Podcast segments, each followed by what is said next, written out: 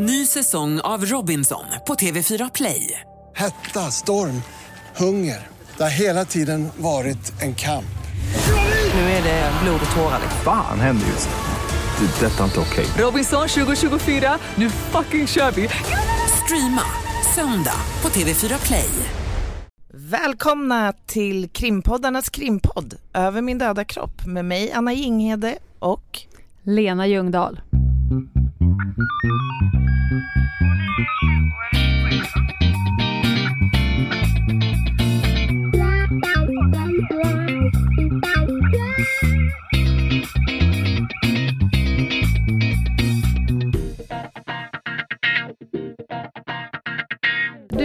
såg att jag la upp ett, ett eh, Instagram-inlägg här för ett tag sedan med när jag var och sprang hinderbana. ja, i, i Dr. Martens. Otroligt roligt. Ja. Nej, men och alltså, lite så här, lite skum, skumt, eh, eller skum tid på dygnet också. ja, men alltså, du körde jag, en kvällsrunda.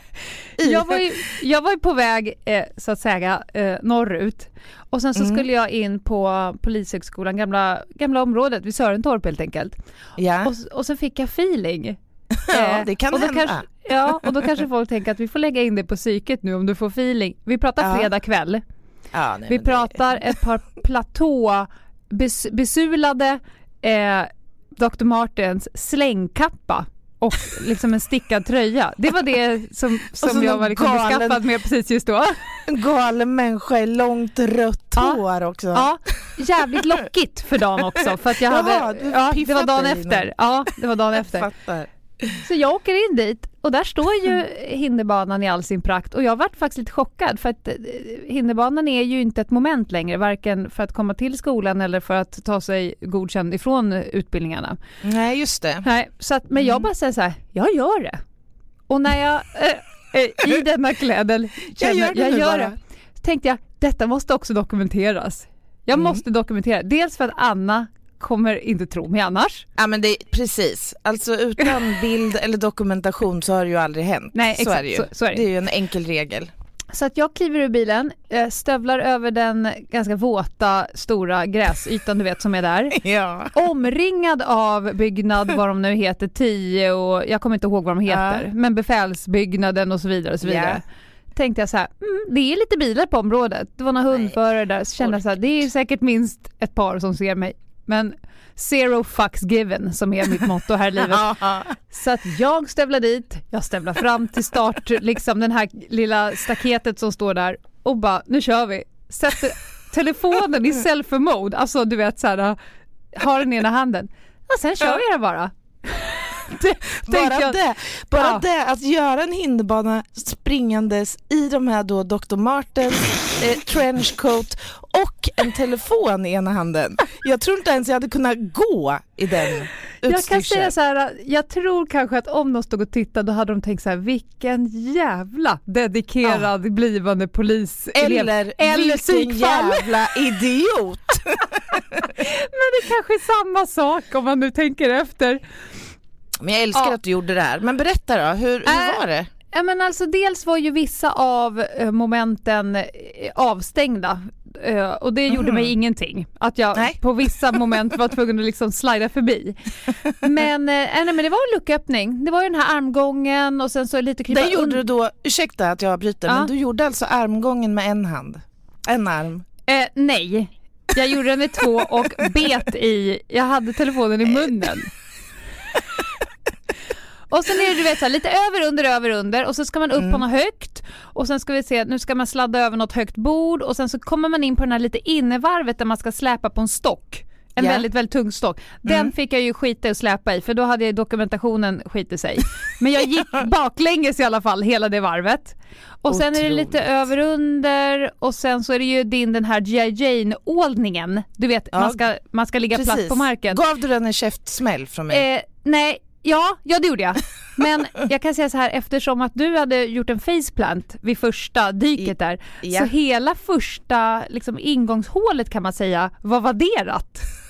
De har ju tänkt, de tänkte så här, Anna Jinghede, minns ni henne? Hörni, minns ni henne allihopa?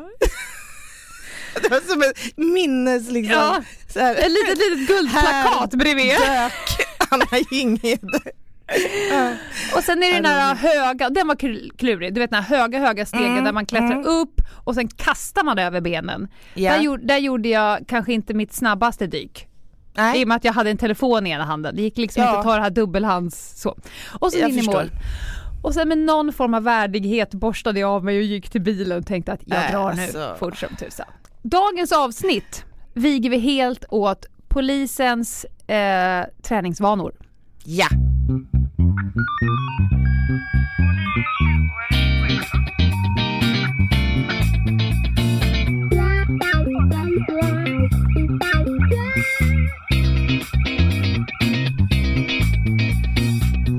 Anna, hur eh, fysiskt är egentligen polisarbete?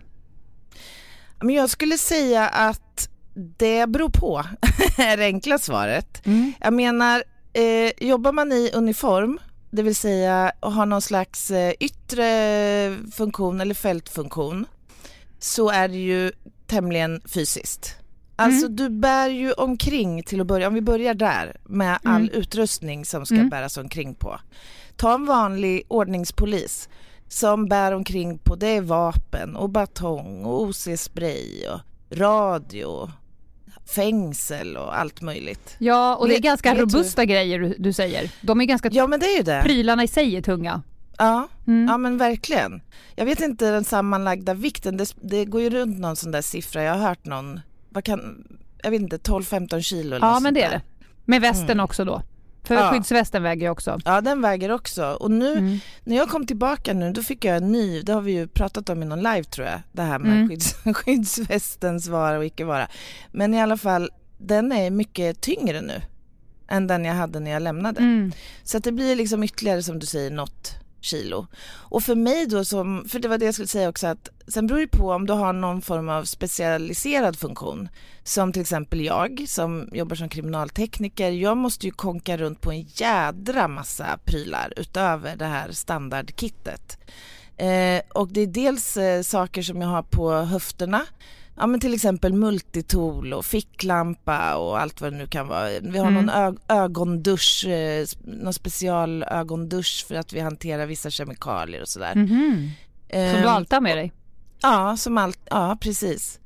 Nej, men, och dessutom så har vi då en stor trunk för fotoutrustning och en annan trunk för fingeravtrycksspårsäkring och det kan vara stegplattor och tält och allt möjligt. Och dessutom i konka på det här i ganska svår terräng ibland eller klättra på steg eller vad det nu kan vara. Och jag tänker hundförarna, ja de måste vara beredda att lyfta sin hund ju Mm. Över staket eller eh, upp på höjd eller upp på ett bord eller vad det nu kan vara. Ja, olika funktioner släpar ju runt på, på olika mycket helt klart. Ja, så kan man ju säga. Hur är det för spanare? Ja, det beror ju på såklart i vilken miljö jag ska smälta in i. Ja, kan, ja det är man klart. kan ju ha allt från eh, skitmycket bråte men överlag skulle jag säga att en spanare har ju många eh, eller mycket färre kilo i sin Mm. Dels så Mm. har ju vi plockat bort allt som man Mm. absolut inte behöver. Inte Nej. en pinal till Mm. för att du ska kunna, men, men ingenting får synas. Allting Nej. måste döljas under dina kläder. Ja, Eh, precis. Och, och eh, om man spanar på personer som är väldigt eh, vakna som vi brukar säga, då testar Mm. de ju en också. Så att nej, Mm. gru, grundutförandet är ju mycket färre kilo. Mm. Att, att bära omkring på, på mycket utrustning är en sak men det är ju också de här aspekterna att man faktiskt i perioder sitter ganska mycket. Dels i bil Mm. Eh, och det är ju inte så fysiskt ansträngande men tillsammans med all den här utrustningen som vi då har på höfter och runt ben och Mm. på rygg och allt möjligt så, så är det ju så att säga en risk för, för skador och sådär. Och jag tänker även de som sitter på krim, som sitter och utreder, de kanske också, de kanske skulle behöva röra på sig mer egentligen eller ja, håll, alltså hålla upp sin, eh, vad ska man säga, träningsnivå av den enkla anledningen att de sitter mycket. Det är så jag menar. Ja, alltså skadebilden för poliser, nu gissar jag. Jag Mm. tror att absolut att man kan skadas i tjänst. Mm. Eh, har du gjort det någon gång förresten? Ja, jag har ju, dels har jag blivit slängd i backen vet du. När vi, Ja just det, på självskyddsmattan. Självskyddsmattan ja, Ja. precis. Eh, ja, men sen så kan jag ärligt erkänna att det räcker ju att ha varit ute på en brottsplats en dag och burit omkring på väldigt mycket Mm. utrustning och Mm. arbetat hårt med kroppen, vilket Mm. jag älskar. Mm. Men jag känner ju den kvällen, jag menar jag är inte, man är inte 20 längre, Nej. så att Va? rimligen borde, och kanske inte i sitt livsform heller. Nej. Eh, och så visst känner jag i kroppen, det gör man ju. Jag tänker på så här reella skador som man kan liksom koppla till ett, ett tillbud. Eh, så tror jag att vanligtvis kanske vid ingripande att man liksom kan dra till en axel eller åka Mm. på en tjuvsmäll. Ja du vet jag har börjat blöda. Mm. Näsblod, något ögonbryn som har rykt Mm. någon gång så man inte ser någonting. eh, och Mm. sådär. Eh, men jag tror, jag har läst att de vanligaste skadorna för poliser det är ju trafikolyckor, trafikrelaterat. Just det. Men det som är absolut vanligast är det du pratar om, belastnings, eh, rena Mm. rehab eh, s- Skador. skador. Och då såg jag att ryggexperter och, och, och liksom folk som forskar på det här säger att för att man ska liksom upprätthålla en en, en motståndskraft i sin kroppsliga hälsa så Mm. krävs det träning tre gånger i veckan. Relevant och smart träning, inte ligga och Mm. dunka bänkpress. Utan relevant och smart träning för att kunna gå runt och släpa på 12-15 kilo utrustning. Det, ja. det är alltså inte bara bicepsträning. Nej, Det- väldigt det räcker lite inte. bicepsträning skulle jag vilja säga. Men du- Men, men ryggslut och knä, det kan jag komma ihåg när man stod och höll en kommendering, att stå Mm. rakt upp och ner med 15 Ja. kilo på sig, alltihopa nästan runt höften. I Man var ju- kängor. Ja, och ska vi prata lite om de här kängorna som man fick ut? Mhm. Det var ju Ja. inte, det var inte som att stå på bomull, så kan man säga. Eh, nej, det är ju inte det. Och det är ju så fascinerande det här med, nu ska vi inte prata så mycket om utrustning. Ja, för det Men ska det vara ett för- eget avsnitt. För det, för. ja, det ska Mm. vi. Men jag, jag tycker att det är så fascinerande det här hur liksom lite så här one size fits all-tänket. Det gäller En även one size fits none. Ja men precis, så dels det att alla förväntas ha någonstans lite samma storlek men det är också så här att man förväntas ha när det gäller kängor samma typ av fot. Mm. För det Mm. finns typ en. Ja. Eller jag kan, jag kan alltså säga att det har blivit bättre. Nu när jag kom tillbaka så finns det ett antal faktiskt man kan välja på. Men, men då, är problemet, Ja, förlåt. ja, då är problemet istället att man, man får inte en chans att prova dem utan du får välja en katalog vilken du vill ha. Toppen. Så det är ju Toppen. jättebra. Nej jag kan säga, jag stekte ju de här kängorna man fick ut. De är ju Mm. så extremt robusta för man ska ju kunna trampa på knivar och spikar och, Ja. och, och glas och så vidare. Men de är ju jättevarma på sommaren, jättekalla på Ja. vintern. Eh, så att jag gick ju direkt och köpte mig ett par ordentliga Mindel-kängor och göt egna sulor i. Så, ja, I ren överlevnads... Ja men det är ju ett sätt att, ja men det är också ett sätt att förebygga belastningsskador. Jag tänkte så här, vilka har det värst då? då? Eh, och det måste eller vilka bär på mest? Tänkte jag. Mm. Först tänkte jag på dig, för jag har ju sett när du jobbar, det är ju fem, sex olika typer av väskor som du släpper runt på. Men kanske Ja. inte hela tiden, du tar dem ju liksom Nej. från punkt A till punkt B. Men jag Mm. tänkte på nationella insatsstyrkan, så att jag Mm. ringde en som jobbar där som håller på med, eh, ja, Ja, som kan de här frågorna kan man säga. Mm. Och då frågade jag först, vad är eran grund, grundvikt? Vad, vad bär ni på? Då sa han, nej men ungefär från, från 22-25 kilo. Det är vad vi har Oj. på oss i standardutförande. Mhm. Alla som jobbar liksom operativt. Och sen Ja. sa han att det finns ingen övre gräns. Eh, utan det beror ju på. Du kanske ska klättra upp för en jätte, jättehög stege upp på tak och med dig dit Mm. upp ska du ha med dig en hund och en bonk. Ja, och bonken är Mm. ju sådana här verktyg som man slår sönder dörrar med kan man säga. Ja, de Och de väger är ju ett antal kilo, ja verkligen. Och han sa att det måste, vi måste klara av det. Om man ska Mm. fira sig ner för ett rep från en helikopter bärandes på alla tunga vapen och hunden Ja. och så vidare så kan du liksom inte tappa repet på grund av att du är för tung.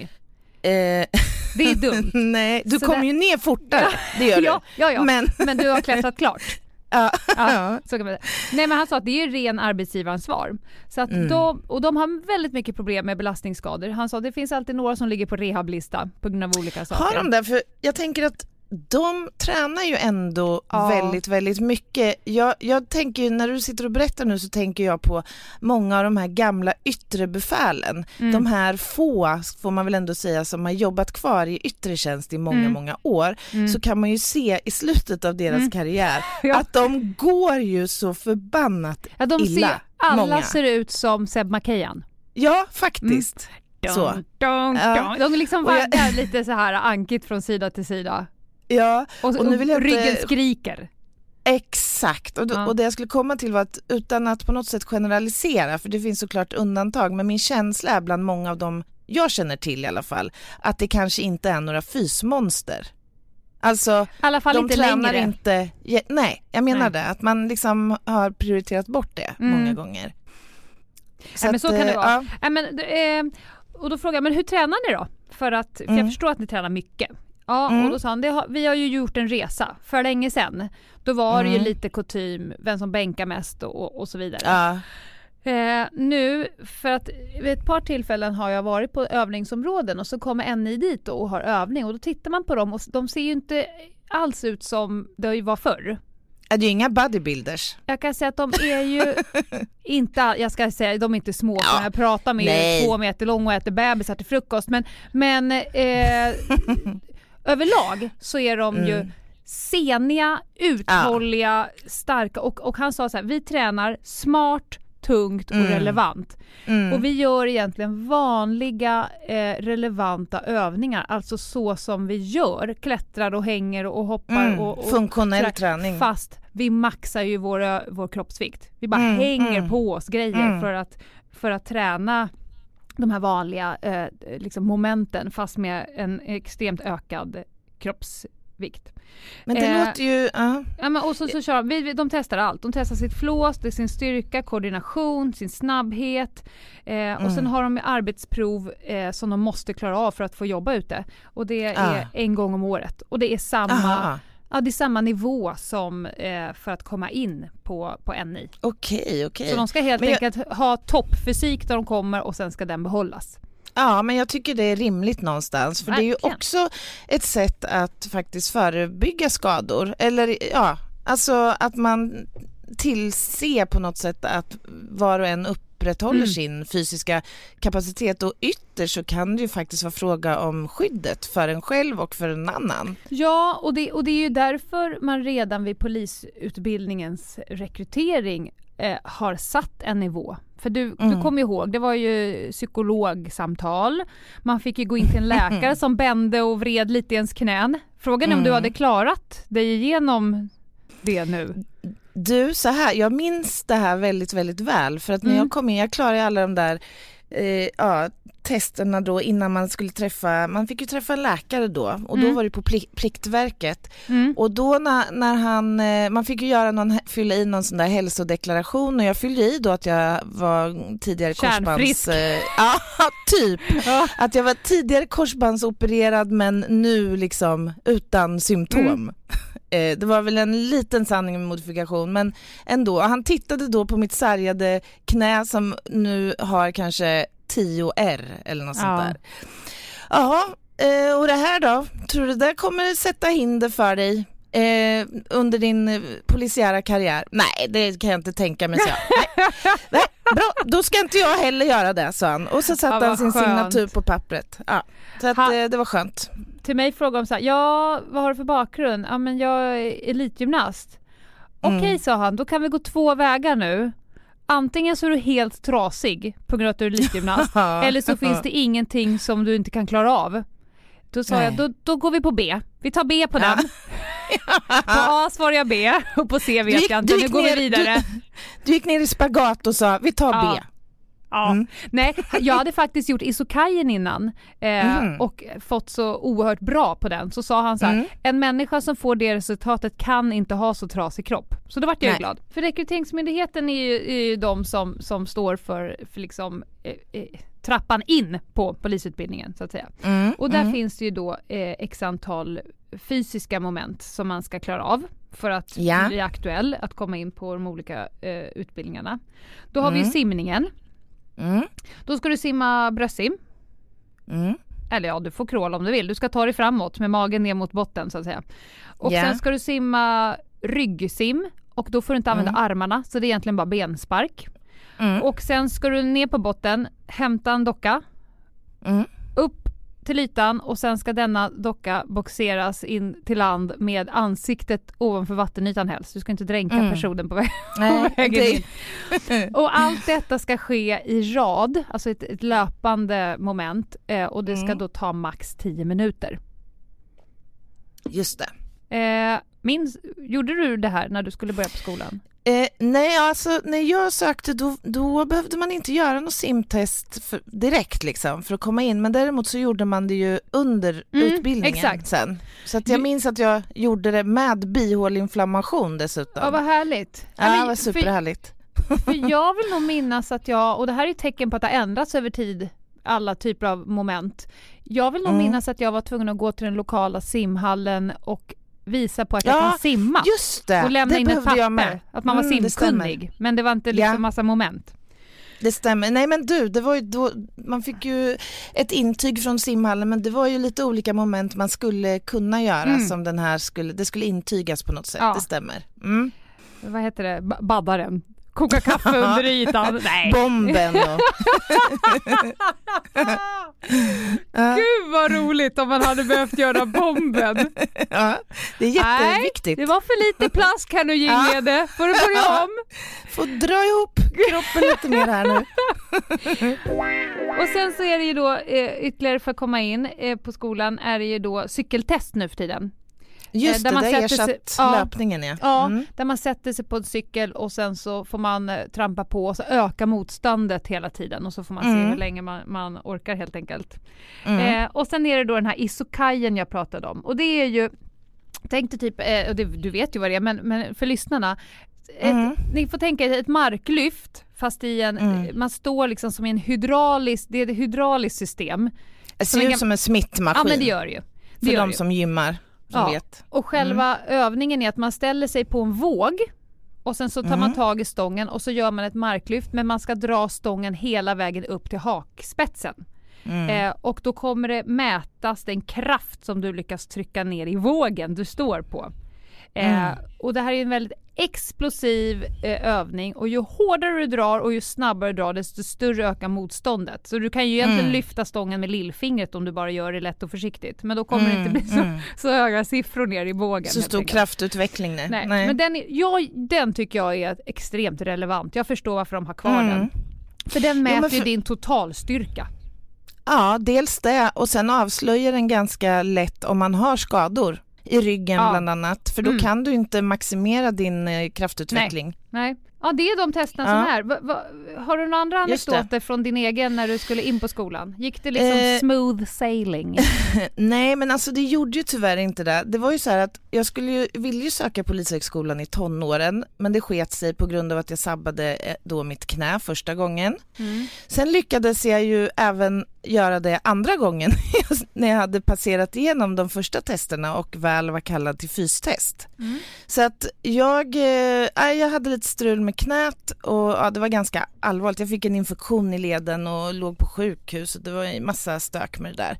Men jag fick i alla fall uppskov från eh, rekryteringen Mm. eh, med fystesterna. Men då var jag i ett sånt här läge, hur fasen ska jag lösa det här? Jag kunde knappt gå då. Från att ha varit väldigt vältränad och sprungit mycket och sådär så kunde jag liksom, jag visste att jag skulle ju aldrig klara det där Cooper-testet eh, liksom dagen efter eller en månad efter. Ja, för då var det Så- löpning också.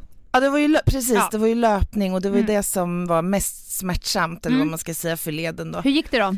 Ja men alltså det sjuka var att det gick ju bra, men det gick bra tack vare en tjej som heter Anneli Pompe. Har du hört talas om Anneli Pompe? Hon var med i Mästarnas Ja, mästare förra säsongen.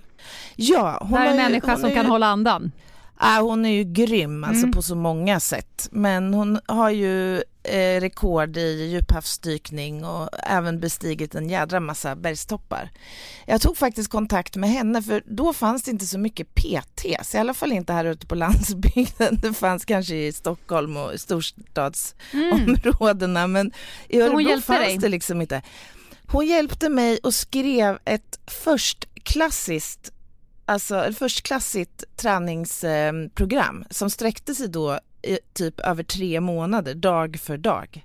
Och jag fixade tack vare det. Ja, hon, så lyssnar hon på det här, då skulle jag vilja rikta ett stort Tack, tack, till henne. För att det är, tack Pompe för att jag fick bli polis.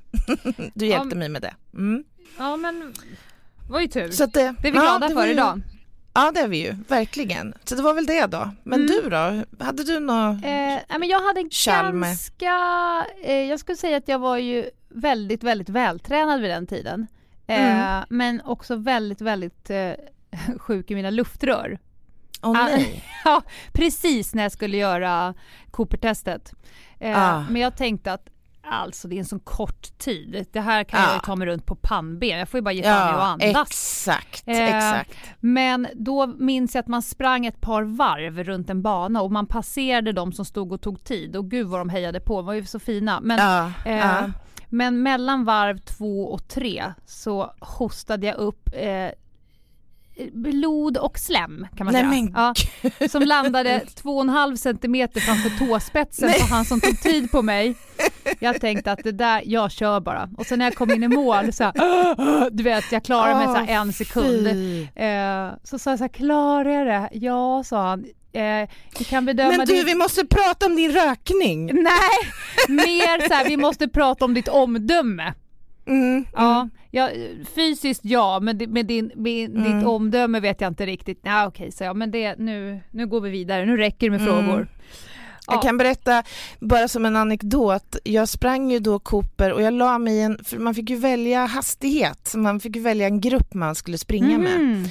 Och för att vara säker på att jag skulle klara det så la jag mig i en snabbare grupp än vad jag egentligen sprang. Mm. Eftersom jag då hade precis eh, kommit tillbaka från en skada. Ja. Och jag sprang direkt från banan ut på muggen och spydde som en gris. Så det Ja. var mycket pannben även för mig den där Men gången. jag tror faktiskt att just de här egenskaperna som vi pratar om, lite Mm. jävlar anamma, lite pannben, lite nu sätter vi vissa saker åt sidan och kör. Det Ja. är en egenskap som jag kan garantera att du och jag har haft nytta av under Mm. så många olika situationer i liksom, polisyrket. Absolut, absolut. Man ska inte vara hand- rädd för smärta och inte vara rädd för vad händer sen och inte liksom, men om det här händer, utan nu kör vi. Men det handlar ju mycket om att fokusera på uppgiften och Mm. det har man ju glädje av i Ja. så många sammanhang som polis. Det är en Ja. jätte, jätteviktig Ja. egenskap. Och precis som du säger, jag kan uppleva ibland att man känner efter så himla mycket istället Mm. för att bara gå in i sig själv och så Mm. plocka fram sitt bästa och ibland Mm. värsta kanske. Men och bara mobilisera kraft och känna bara nu, nu Mm. jävlar, nu gör jag det här Mm. bara.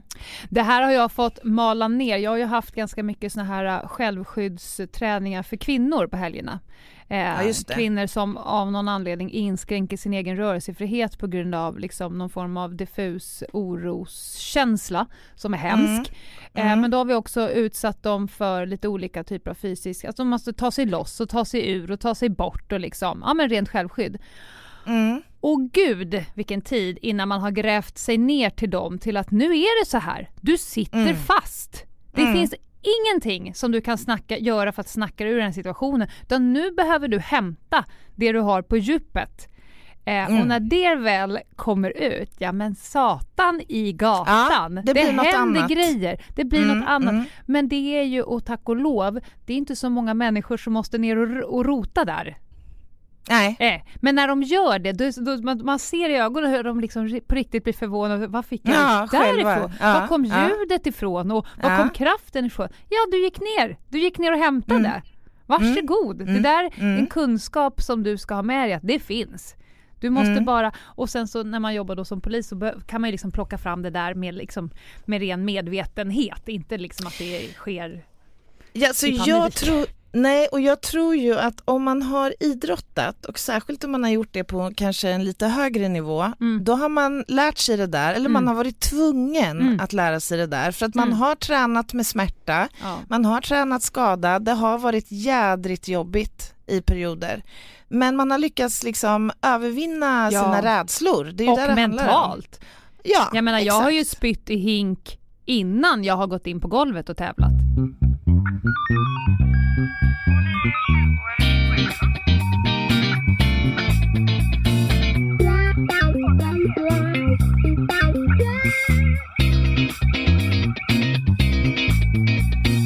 kommer man in och då finns det ju x antal olika lärosäten. Och i dagsläget mm. så ser det faktiskt ut så att eh, fyskraven på skolorna är olika. De skiljer sig mm. åt. Och jag mm. vet att det pågår ett arbete för att man ska försöka likställa det här.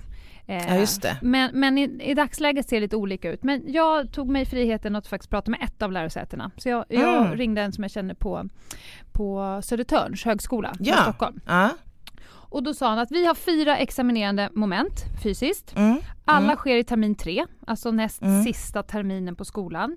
Jaha. Eh, ja. Och om du inte klarar dem så får du inte Mm. påbörja termin fyra. Nej. Och nu kommer det skrämmande Anna. Det finns ett helt gäng personer som inte kommer vidare i termin fyra för att de inte klarar av de fysiska Nej, men- kraven. Snälla.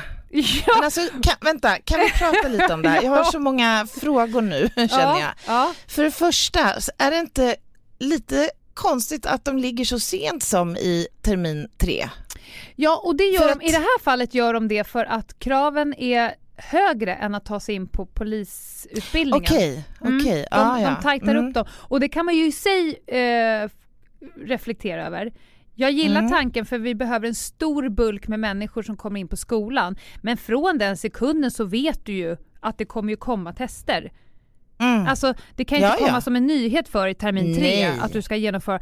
Och när jag fick, jag kan dra vad det var för tester, men när man fick se liksom Ja. vad, vad kraven är, att Mm. människor inte ska klara av det. Nej men Ja, för det är jag tänker, er. är de så tuffa Nej, så att... Jag kan nej. säga så här, du ska göra ett biptest Mm. när man springer fram och Alltså, tillbaka. typ och, idioten. Ja, vi kan tänka idioten med en jobb i klockan.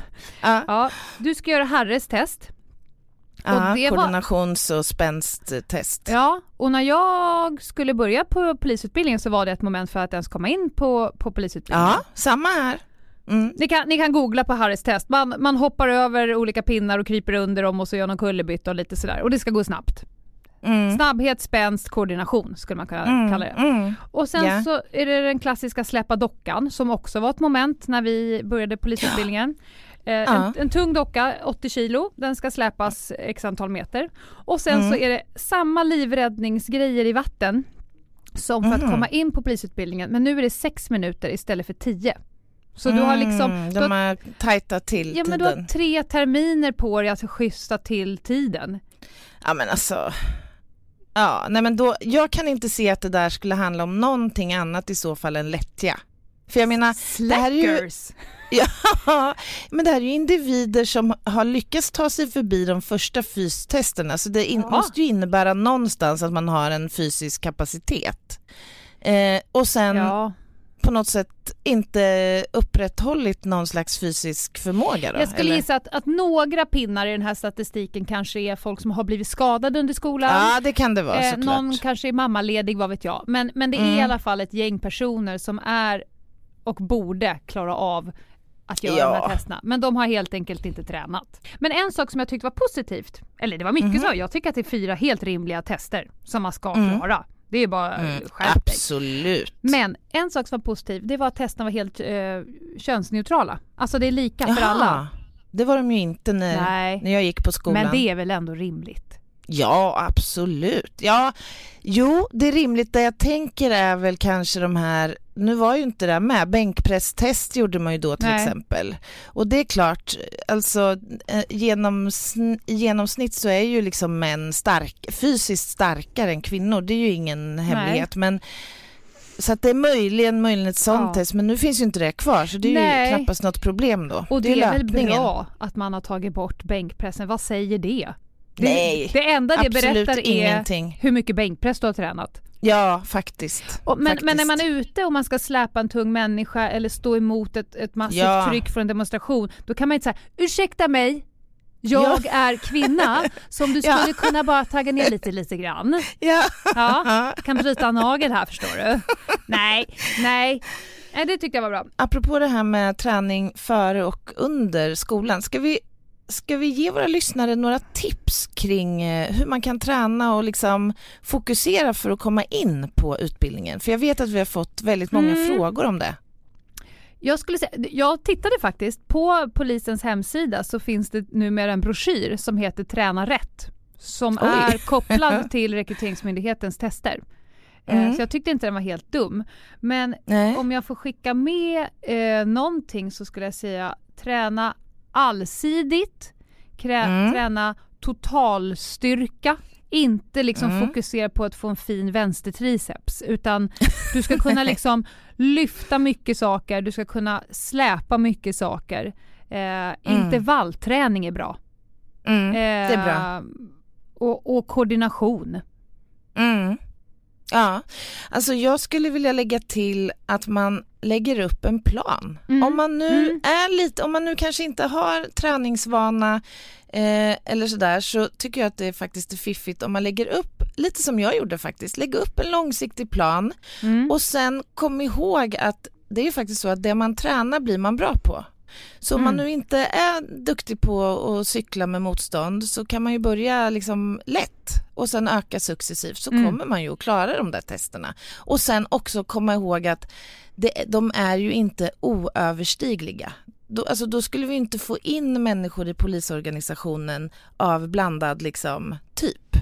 Eh, Långa, korta, Nej. lite kraftigare, lite smalare, lite... Nej. Ja men du vet. Vi vill ju ha alla. En liksom, det ska spegla populationen i övrigt så det, det, det är liksom inga... Ja, Ja, det, är de är inte fullt, supertuffa. det är fullt rimliga krav. ja, Som det är det. människor som i dagsläget tränar ett par gånger i veckan allsidigt, de klarar testerna ut, Ja. utan några som helst problem. Mm, mm, Faktiskt. ja. Eh, Och skulle man nu ändå ha problem, då, då är mitt bästa tips att ta hjälp Mm. av någon. Några, några moment som jag tyckte var, var jobbiga på skolan fysmässigt. Mm. Eh, springskytte i tung väst. Ah, fy fasen. Alltså då, Åh, då jag blir får man trött. blodsmak i munnen när Ja. jag tänker på det. Då sätter man ju Berätta, på, vad gjorde vi? Ja men då sätter man ju på sig tungvästen. Eh, eller Mm. i, i vårt fall så var det några som, det fanns inte tillräckligt många tunga väster så att man fick hänga på sig ett lakan med två stycken kubbspel i. Du var kungen. ja alltså, det skramlade ju bra. Så då fick man ha Ja, liksom alltså- typ två skyddsvästar och, och två kubbspel på sig. Man springer för- helt enkelt en jävla slinga med jättemycket Ja. vikt på sig. Ja. Och sen när men- du och- kommer du mål och då ska det börja skjutas precision. Ja precis, och jag vill minnas att det var flera varv liksom Ja, du sprang ja. för att verkligen maxa Ja. pulsen så att du Men det jag minns också med de här västarna, förutom att vara jäkligt tunga, men som vä- väger kanske 25 kilo eller något, jag vet inte. Det är ju att de är inte bara tunga, de är också otroligt otympliga för de, de är ju långa. Ja, man, alltså. De går ju ner över halva låret. ja, Så att det går ju inte att precis, ta sig, går, man får springa bara med underbenen. Exakt, så ut och springa i spenaten med den där jävla västen alltså. Nej det var, Eh, det jag var kan tufft. säga- Alltså, och sen så när man är som mest flåsig och liksom mjölksyrar kroppen, då ska du dra ett vapen, sköta det på rätt sätt och sen ska du liksom Ah. eh, i, knappt andas för att kunna dra iväg bulor eller skott Ah. i någonting. Mm. Det måste ju vara så nära skidskytte man kan komma. De Ja. andas ju inte när de ligger där på Det mattan. ju, nej precis. Eh, jag, det, jag kan likställa med att man har kört riktigt, riktigt, riktigt tungt på gymmet så att armarna knappt eh, kan eh, röra Nej, sig precis. och sen direkt in i omklädningsrummet och sätta på en mascara. Har du provat det någon gång? Ja, det har jag faktiskt gjort. När man ser ut som panda. Ja. Det går liksom inte.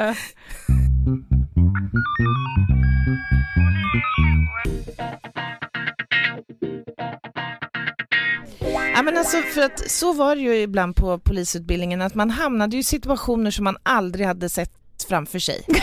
eh, alltså, Ja. så här, både, ja, men alltså man blev ju utmanad på olika sätt Mm. på, det, på det viset eftersom det var så många nya situationer. Men jag måste säga att efter varje sån prövning då, om man säger Ja. så, så var man ju så pepp för att man växte ju Ja. och man tyckte det var förbaskat kul för man lärde sig saker. Man måste gilla att bli utmanad. Ja, det måste man. Man måste gilla det om man ska bli polis. Ja, men, men det är också det som är så jäkla roligt Mm. med yrket. Ja. Det är ju det man vill åt. Mm. För man växer i det. Ja, verkligen. Ja, kul. Men du, när man slutar skolan då? Upplever Mm. du att folk eh, fortsätter med samma träningsintensitet?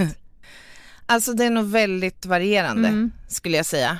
Eh, jag tror, alltså det, det är lite två läger där, är det inte det? Alltså det finns den här gruppen som, som verkligen tar vara på sin fystimma som man får varje vecka och träna i tjänsten. Ja, för man får ju Eh, en tränar- timme av arbetsgivaren som man får liksom lägga Exakt. arbetstid på. Eh, Precis. Ska vi bara prata om en timme som man får av arbetsgivaren samtidigt som forskning och ryggexperter säger att man ska träna tre timmar i veckan för att vara uthållig och men mot alltså- belastningsskador. Det går inte riktigt ihop tycker jag. Nej, det gör det inte. Och sen kan man ju fråga sig om verkligen arbetsgivaren ska ta ansvar för varje individs liksom, träningsmängd. Där har man ju, tycker jag, ett eget ansvar faktiskt också. Mm. Jag, jag, jag håller faktiskt, jag var lite eh, pushig här. Eh, Ja. Vissa tycker nämligen att man ska få arbetstid tre timmar i veckan. Men jag kan Mhm. tycka å andra sidan, du har sökt till ett yrke som är ganska fysiskt. Eh, Ja. eh, du kanske helt enkelt får sköta det själv. Mm. Däremot Sen- så, så tycker jag Mm. kanske att man skulle ha någon form av arbetsprov fysiskt för poliser. Ja. För det slutar, när du Det- slutar skolan då kommer det inte komma ett enda prov till. Såvida du inte ingenting. söker dig till en sån enhet. Mm. Nej, men jag håller med. Jag håller verkligen med. För det skulle ju också det skulle ju vara ett sätt att faktiskt få folk kanske att träna lite mer frekvent. Eller så blir det som med kompetensskyttet kanske. Mm. Alltså man, man tänker att jag ska gå ner nu och övningsskjuta regelbundet Mm. men, men tyvärr så har man ju sällan tiden för Ja. eller man tar sig inte tiden och så blir det en vecka innan man ska göra sin årliga kompetensskjutning Mm. att man går ner och skjuter intensivt. Det kanske funkar likadant med träning för de som inte är superintresserade av träning också, jag vet inte. Men, Men jag tror, undrar om inte arbetsgivaren skulle tjäna deg på att göra så här för att hur mycket pengar kostar inte alla belastningsskador jo, och skador? otroliga pengar. Det är en intressant tanke i alla Verkligen. fall. Att vad hade hänt, det behöver inte ens vara höga krav, men vad hade hänt om man en gång per år kanske skulle påvisa att du hade ett grund, en, grundfys, en grundstatus rent fysiskt? Ja. Det hade varit Ja, men alltså jag, jag tycker det är jätteviktigt och jag tycker ju, alltså som sagt, eftersom man tränar ju, eller man måste ju visa en gång om året att man eh, upprätthåller sitt, eh, sin skjutkompetens, Mm, mm. så kan jag ju tycka ur säkerhetsaspekter om inte annat, Mm. så är det ju faktiskt lika viktigt att du är vid god fysisk hälsa. Faktiskt. Fast jag kan säga nu när jag kom tillbaka till myndigheten då så har jag ju lyckats eh, ådra mig en ryggskada under Mm. tiden här. Mm. Eh, och jag insåg ju, och min läkare och sjukgymnast också, att det är nog bra om du ett, försöker fördela vikten och två, försöker reducera vikten som du bär omkring på. Eh, och nu när jag liksom börjar gå in och titta på vad kan jag plocka bort? Ja. Ja. men jag kan kanske plocka bort ett extra magasin, eh, batongen, hur ofta använder jag den? Behöver jag den verkligen som tekniker? Ja men du vet, Mm. vissa grejer har jag kunnat liksom minska på och det blir ju, små Ja. prylar blir ju tillsammans ganska mycket vikt trots allt. Men jobbar inte ni med väst? Har inte jag sett? Kriminaltekniker har väl utrustningsväst? Jo, det har vi ju. Vad har du i den då? Eller inte alla har inte det, men jag har det. Eh, nej men jag har eh, ficklampa och multitool Mm. och sånt som jag inte måste ha runt midjan. Jag försöker fördela vikten helt enkelt. Men för jag har sett Och handskar och... Ja, men för jag har sett någon studie där man liksom pratar om det här. Ska vi försöka göra så att svensk polis faktiskt jobbar lite mer med utrustningsväst, alla, just Mm. för, för förskjutningen av bäckenpartiet. Mm, För det gör man mm. ju i andra länder. Eh, plockar Ja. ju upp det. Eh, sen är det såklart att du kan inte ha en pistol ligga i en, en, en ficka. Den måste ju kunna dra Nej. snabbt från höften. Det är ju lite så. Men, Jag har en väst faktiskt med hölster Mm. som sitter liksom högre mm, eh, och det funkar men det är ju det här att liksom, skulle du hamna i en situation där du faktiskt måste skjuta då kommer hjärnan göra det Ja. som man är tränad och van vid. och det kan Och det är att dra vapnet från höften. Och det kan jag Mm. säga, ska man hålla på och flytta på sitt vapen, då tycker jag Mm. att det är som absolut krav att du ska klara kompetensskjutningen med vapnet där. Jag håller med. för, Mm, spa, håller med. för spaning är lite så här, du har ju vapnet vi har ju såna här inside pants hölster, alltså att vapnet sitter Mm. på insidan av byxorna Mm. och över det har du klänning och så vidare. Mm. Men ändå när spanare ska gå ner och köra kompetensskyttet Då sitter den på Mm. höften. Kanske, Ja, jag tror att precis. då, då alla är duktiga, de kör i sitt vanliga hölster, det de alltid har. Men den Mm. lilla jackan åker av och den lilla koftan åker av Ja. och så vidare. Ja. För, eh, för det är ju inte rimligt, en, en, spanare kan ju inte ha pistolen på utsidan. Det, det spelar Nej, ingen roll hur bra inte. du är på spaning, har du vapen på dig så kommer folk antingen tro Mm. att du är polis eller någon form av antagonist som ska ha ihjäl dig. ja, precis. ja, men Nej men för jag skulle bara tillägga det att för våran del och för teknikernas del så handlar det också om att kunna röra sig bra. Ibland måste vi ju krypa omkring på alla fyra upp för någon stege och köra långa sträckor i bil och sådär och då Mm. finns det, så det finns sådana vinster också med att omfördela utrustningen lite grann. du nämnde förut eh, benhölster. Jag hade ju det. Combat girl. Comeback. Ja men alltså det var, jävlar vad det var provocerande i början. Det var Ja, ganska, men- när det kom kan man säga. Eh, Mm. Och då var det så här, ah, jag försöker se ball ut. Alltså, drömmen för min vikt. Mm. Eh, för att ha allting på höften och kvinnor är ju kanske inte helt lika beskaffade som män. Man har ju Eh, nej. smalare midja och bredare höfter. Mm. Och, eh, vilket gjorde att bältet för mig åkte ju upp i midjan. Mm. Det satt inte Mm. kvar nere på höften utan Nej. det åkte upp i midjan. Och, nej men det blev Mm. helt fel så att jag provade benhölster eh, och fick ha det som bärprov och tyckte att det var ju, alltså jag mådde, kände så skönt att sitta i bilen Mm. framförallt för annars hade man ju Mm. blåmärken överallt. Ja. Men jösses! Och det var vid något tillfälle när vi skulle åka och träna någonting när man bara skulle ta med sig kopplet. Eh, och då Mm. kom jag från fysen, men jag hade glömt mina byxor. Och då kan jag säga svarta hotpants och benhölster. Vad tror du mitt smeknamn var i ett halvår? Hade du, hade du kamouflageränder Ja, i ansiktet också? jag han som Steven Seagal. Nej, jag blev kallad Laura Croft i ungefär ett halvår. Nej, det, men, Fasen va? ja. Vilken syn ändå. Men det, det tyckte jag var skönt för då satte man vapnet på höft eller på, på låret och där Mm. fanns ju också batongfäste så man kunde ha batongen bredvid Ja. vapnet ner på och gud vad mycket skönare det var för ryggen.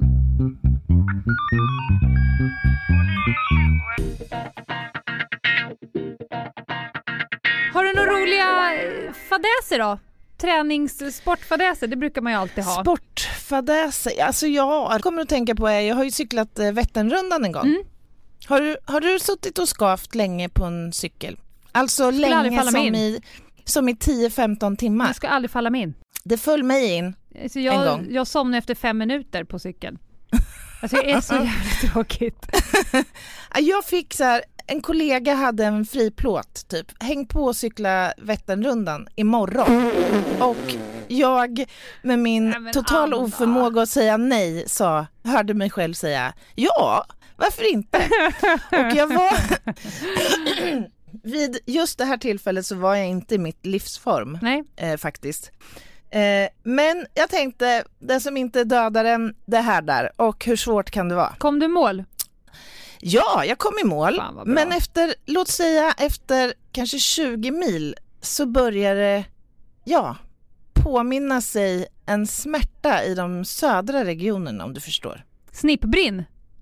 Snipp, ja, eh, så skulle man kunna formulera det.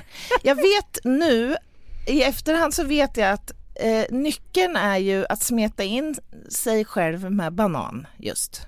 Va? Hur perverst det än kan verka så är Vänta, det vänta, vänta, vänta, vänta, vänta, vänta, vänta, vänta, vänta. Ja, alltså jag pratar inte fruktsallad nu, utan det måste vara banan. Det skyddar. Nej men driver Det du? skyddar, nej! Det, det skyddar mot skav. När, du- när du pratar smeta in dig själv, kan ja, du vara lite mer jag specifik? vet att du får bild. Nej men nu måste vi ändå vara lite mer specifika. Ja, alltså du, du mosar ju bananen då. Och sen går du bananas. Nej men sluta! Vänta, aldrig hört Du vet ju att någon driver med dig. Nej, nej. Google it. Nej, kommer Fråga jag Siri. inte.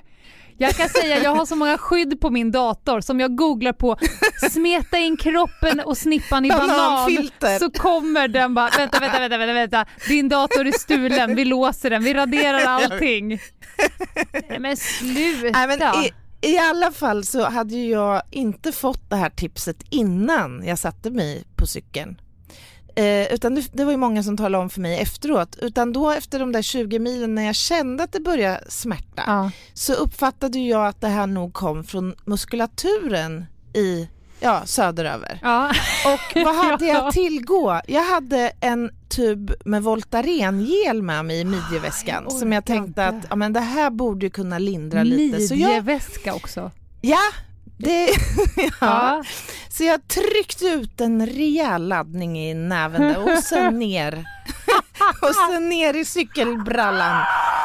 Och sen fem sekunder senare, då trodde jag faktiskt att mitt hjärta skulle stanna. Så du gjorde sista 10 milen på 5.50 minuter? Du, de sista tio milen, för då jag insåg att nej men nu kommer jag ju inte kunna sitta på sadeln igen.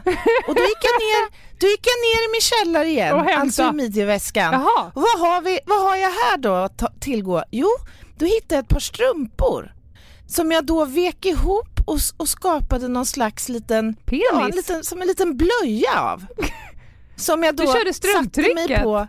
Ja, strumptrycket. Och det där funkade ju jättebra i ungefär två kilometer innan de började åka omkring och... nej, Du är så jävla tio- MacGyver. Har du inte trosskydd i armhålorna för att slippa svettas framför presidenten eller säga statsministern Ja. så har du strumpor i hugget. Ja. Du då, har du några sköna som du kan bjuda på? Du har ju bjussat på den här G.I. Jane historien, det tyckte jag var fantastiskt. Nej, jag har aldrig gjort någonting milt pinsamt. Ja, Nej, jo, det har jag inte du. Jag kommer inte på. Däremot så kom jag på en ganska rolig eh, anekdot. Det var ju sån här dopingrazzia i eh, polisgymmet. Det här är länge sedan. Då, eh, men då, när de var klara, då går de ju runt liksom. Ja men random, inte vet jag, de, de tog väl tester på folk då. Random. Mm, mm. Men när de var klara och gick ut, då kom det en man, han hoppade ut, han hade gömt sig, han satt inne i plinten. Nej, men, Så locket Men lyftes och så klälade han ut som en kungsboa där bara, har de gått? åh. Jag skulle bara kolla efter en liten grej här nere i Det plinten. hade ju blivit pinsamt om de hade gjort en fullständig husis där Ja. och gått över och, och hittat honom där. Jaha, här sitter du. Ja, ehm, det Inga har du rätt i. Här sitter jag. Men du, nu när vi kommer till gymmet, jag har faktiskt satt ihop Mm. en veckans lista. Veckans lista. Åh, vad härligt. Kör. Personlighetstyper på gymmet. Åh. Jag blir ju kanske hälften av gångerna jag är på gymmet blir jag ju... Eh, du vet ju att jag gillar att titta på människor. Ja, Det ingår ju i Eh, mitt yrke. Mm. jag vet det. Jag gillar- Det är på gott och ont. Ja, det är på gott och ont. Och i det här fallet kanske det är mer på ont för min egen träningsintensitet kan man säga. Ja, fast gott för våra lyssnare. Ja, för här kommer en lista på fem personlighetstyper på gymmet som eh, Lena tycker borde försvinna. Plats nummer fem. Rövfia och bicepsbosse. Om man kikar på gymmet i dagsläget så skulle jag säga Mm. att 90% av alla kvinnor tränar röv. För att den ska vara stor. Ja, den ska vara stor nu Anna. Jaha, det är mode. Ja, men du och jag är trendiga nu. Baby's got back så att säga. Mm. Ja, Ja. men fasen. Ja. Det här tycker jag ändå är positivt på något sätt. Men för de som inte blir skaffade med en stor behind, eh, nu tränas det röv på gymmet bland brudarna. Mm. Och, Mm. och killarna kör ju armar. Ja, Och men det är ju sen gammalt. ja, men det här never skip leg day, vi ska inte vara rädda för ben.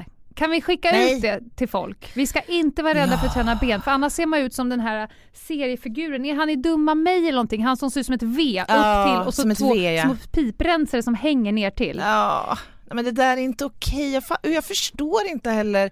För att många av de här, det är ofta killar faktiskt, de lägger ju väldigt mycket tid på gymmet. Så de tycker ju det här är svinroligt. Så att Ja. jag blir så förvånad att de har en sån märklig uppfattning om vad idealet är. För Eller är att de bara har tycker det- glömt att det finns eh, kropp nedanför Jaha, höftbenen. du tänker att det är så? Ja, ja, ja. Att de, ja jag fattar. Jag vet inte. att, Okej, ja, nej. plats nummer fyra. Posören Mm. Sören. Also known as BNNS. Vet du vad det står för? nej, det vet jag inte. Bara när någon ser. De här som sammantaget under gymmets eh, kanske timme, eh, personen Mm. är där, eh, det är ju både tjejer och killar, eh, Ja. gör fem reps av någonting. Det vill Mm. säga, jag, jag rör mig inte en fena förrän jag vet att hela gymmet ser mig. Och för att säkerställa detta så brukar de ha 50 olika utrustningsgrejer. De går Mm, gärna mm. lite fram och tillbaka, de tar gärna mycket yta. Mm. Och sådär. Mm, Och sen när de tänker så här, nu har jag fått liksom, nu är det någon som tittar på mig. Full exponering. Full exponering. Då jävlar, då gör jag en. Ja, då gör jag min Ja. attack. Ja, då gör jag Men min du- attack. Är det här företrädelsevis väldigt vältränade människor? Ja, det skulle jag nog säga. Så Ja. någon gång behöver ju träningen ske. För det har jag tänkt så här, Ja. fan? För det var sist en, en tjej i gymmet, jag och min man var på gymmet eh, och så var det en Mm. tjej som precis betedde sig så här. Mm. Hon hade liksom tagit typ hela mittendelen av hela gymmet i anspråk och gick fram och tillbaka Ja. med en luva på huvudet, Sådär, liksom hade någon inre musik som pågick, uns, Ja. uns, uns, uns, förmodligen. och så gick hon och så gjorde hon liksom fyra utfallssteg.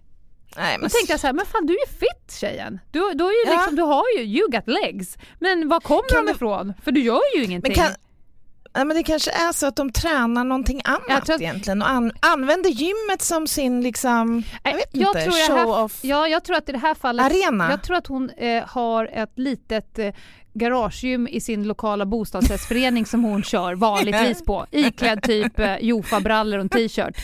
Och sen så går hon liksom till gymmet för att få Mm. eh, lön. Ja, Det tror jag. Ja. Okej, jag fattar. plats nummer tre. Sub 40. Det är de som springer milen på under 40 minuter. Ja, ja. Alltså alla dessa konditionsgalningar. Jag har ju Mm. eh, två sådana i min närhet. Eh, shout out till Per och Charlotte. Charlotte är ju en Mm. löpar geni. Per också. Mhm. Han, han springer efter henne Mm. kan man säga.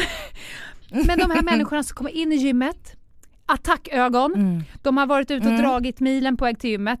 Gärna eh, Ja. rullskidor dit, eh, skidor hem, löpning dit, cykling hem. Men du, får jag fråga, är det de här som har såna här tunna härliga löparshorts Ja, ja. också? Lite snitslade, eller uppsnittade Ja. precis, lite Stefan Ja. Holm-look. Ja, ja. Eh, Mm. Gärna stänger av klockan, så här, tittar ner på sin arm, tittar upp över gymmet, vilken konditionsövning finns ledig och så bara kör vi. Ja, nej det var i alla fall plats nummer Mm. tre. Nu kommer plats nummer två. Crossfit-sekten. Åh, Kan vi prata Ja. lite om det? de som förvandlar gymmet till en box.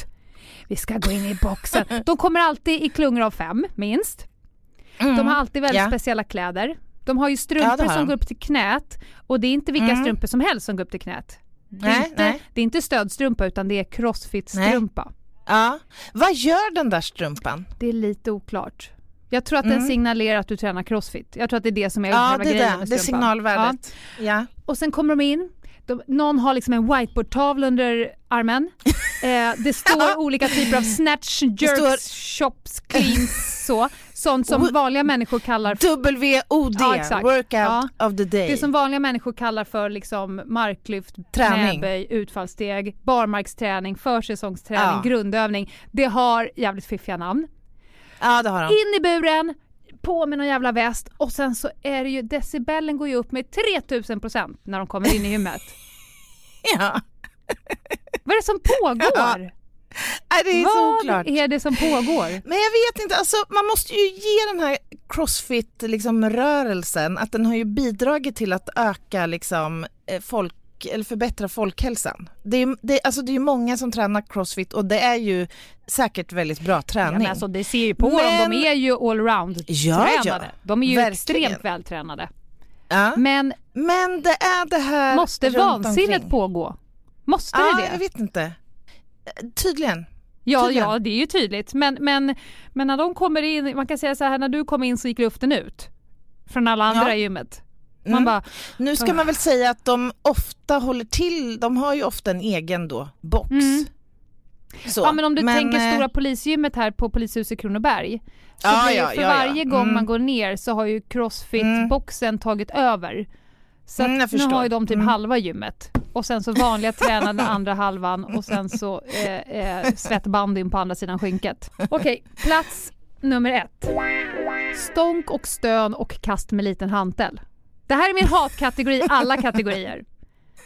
Nu pratar vi... Är de här som, är de här som liksom krystar ut den tionde repsen? Ja, ja. Mycket Eller gärna lite frust också. Alltså det skriks, Ja. det stånkas, Det peppas upp som om du ska bära 400 kilo på ditt vänstra lillfinger. Eller, eller s- ta OS-guld ja, i någon exakt. kraftsportgren. Varje rep är OS-guld. och det skriks. Och Mm. de här jävlarna som inte klarar av att lägga ner vikten när de är klara. Nej. Jag stod och studerade en man för någon vecka sedan. Han hade en, Mhm. en sån olympisk stång, den väger 20 och sen hade han 2 gånger Mm. 15, 30. Han har alltså 50 kilo marklyft. Mm. Det kan ju Mm. vem som helst lyfta. Får man säga så? Ja. ja. Han lyckades, han gjorde kanske 3 gånger 12. Den tolfte i varje set. Den släppte han. Han lyfte den inte bara så högt som han brukar lyfta, han lyfte den en decimeter till och släppte från den höjden. ja. Och efter Men- det så men- skulle han börja gå Det är ofta i kombination med de här barnen någon Men- ser. Ja, men kan det här, precis vad det jag skulle fråga, kan det här ha varit en liksom posören Sören typ också? En liten eh, hybrid? Alltså på jag, jag fattar om du är i OS-final i, i styrkelyft och gör Mm. en, då, då kanske Mm. då får du släppa den för det förmodligen går ryggen av om du ska försöka ta dig ner igen. Men alla andra människor i hela världen, vid alla andra situationer, lägg ner stångjäveln. Det står ju också på varenda spegel, varenda vägg så står det ju släpp inte vikterna. Nej. Eh, Nej, men det... men jag tror att det är liksom ljudet. Och sen så gärna Mm. har de något så här bälte och sen kan de ju när man släppt ner sista då kan de inte ta av sig bältet och lägga åt sidan utan då ska det kastas i en liten sån här loop så att det Mm. landar fem meter bort Ja. och sen ska du gå runt och skuggboxas med dig själv. Mm. Skärp er! ja, Åh, det, det luktar så mycket testosteron Ja, men, ja. om det här. det är då man sätter upp en skylt på den lokala musikanordningen Ja. där den som har gymmet skriver för varje gång jag hör att någon släpper vikten så lägger jag på Ja. en till Håkan Hellströms låt på spellistan och PS musikskåpet är låst. ja, det är underbart. Underbart! Ja, jag hade för sig uppmuntrat det. Jag är ju ett fan av Håkan Ja, Hellström. men vi, vi går inte dit. Nej, går vi gör inte. inte det. Härlig lista Lena och Ah, jag kände att jag blev upprörd på slutet. ja, ja jag märkte det. Mm. Du, men jag gillar det på något vis. Du är engagerad. Ja, Det är kul. det var ett härligt avsnitt Mm. det här tycker jag. det var det. Ehm, och eh, det börjar bli dags att runda av. Yes. Vi vill ju bjuda in till Instagram Ja. och vårt konto där. Mm. Ljungdahl och Ginghede. Häng med oss där och eh, ta del av eh, vad vi har för oss på dagarna Yes. och så. Eh, och har ni frågor, funderingar eller vill samarbeta med oss så går det jättebra att mejla också på ljungdahl och ginghede at gmail.com. Nice. Vi hörs nästa vecka och glöm inte att stretcha. Hej då! Hej då!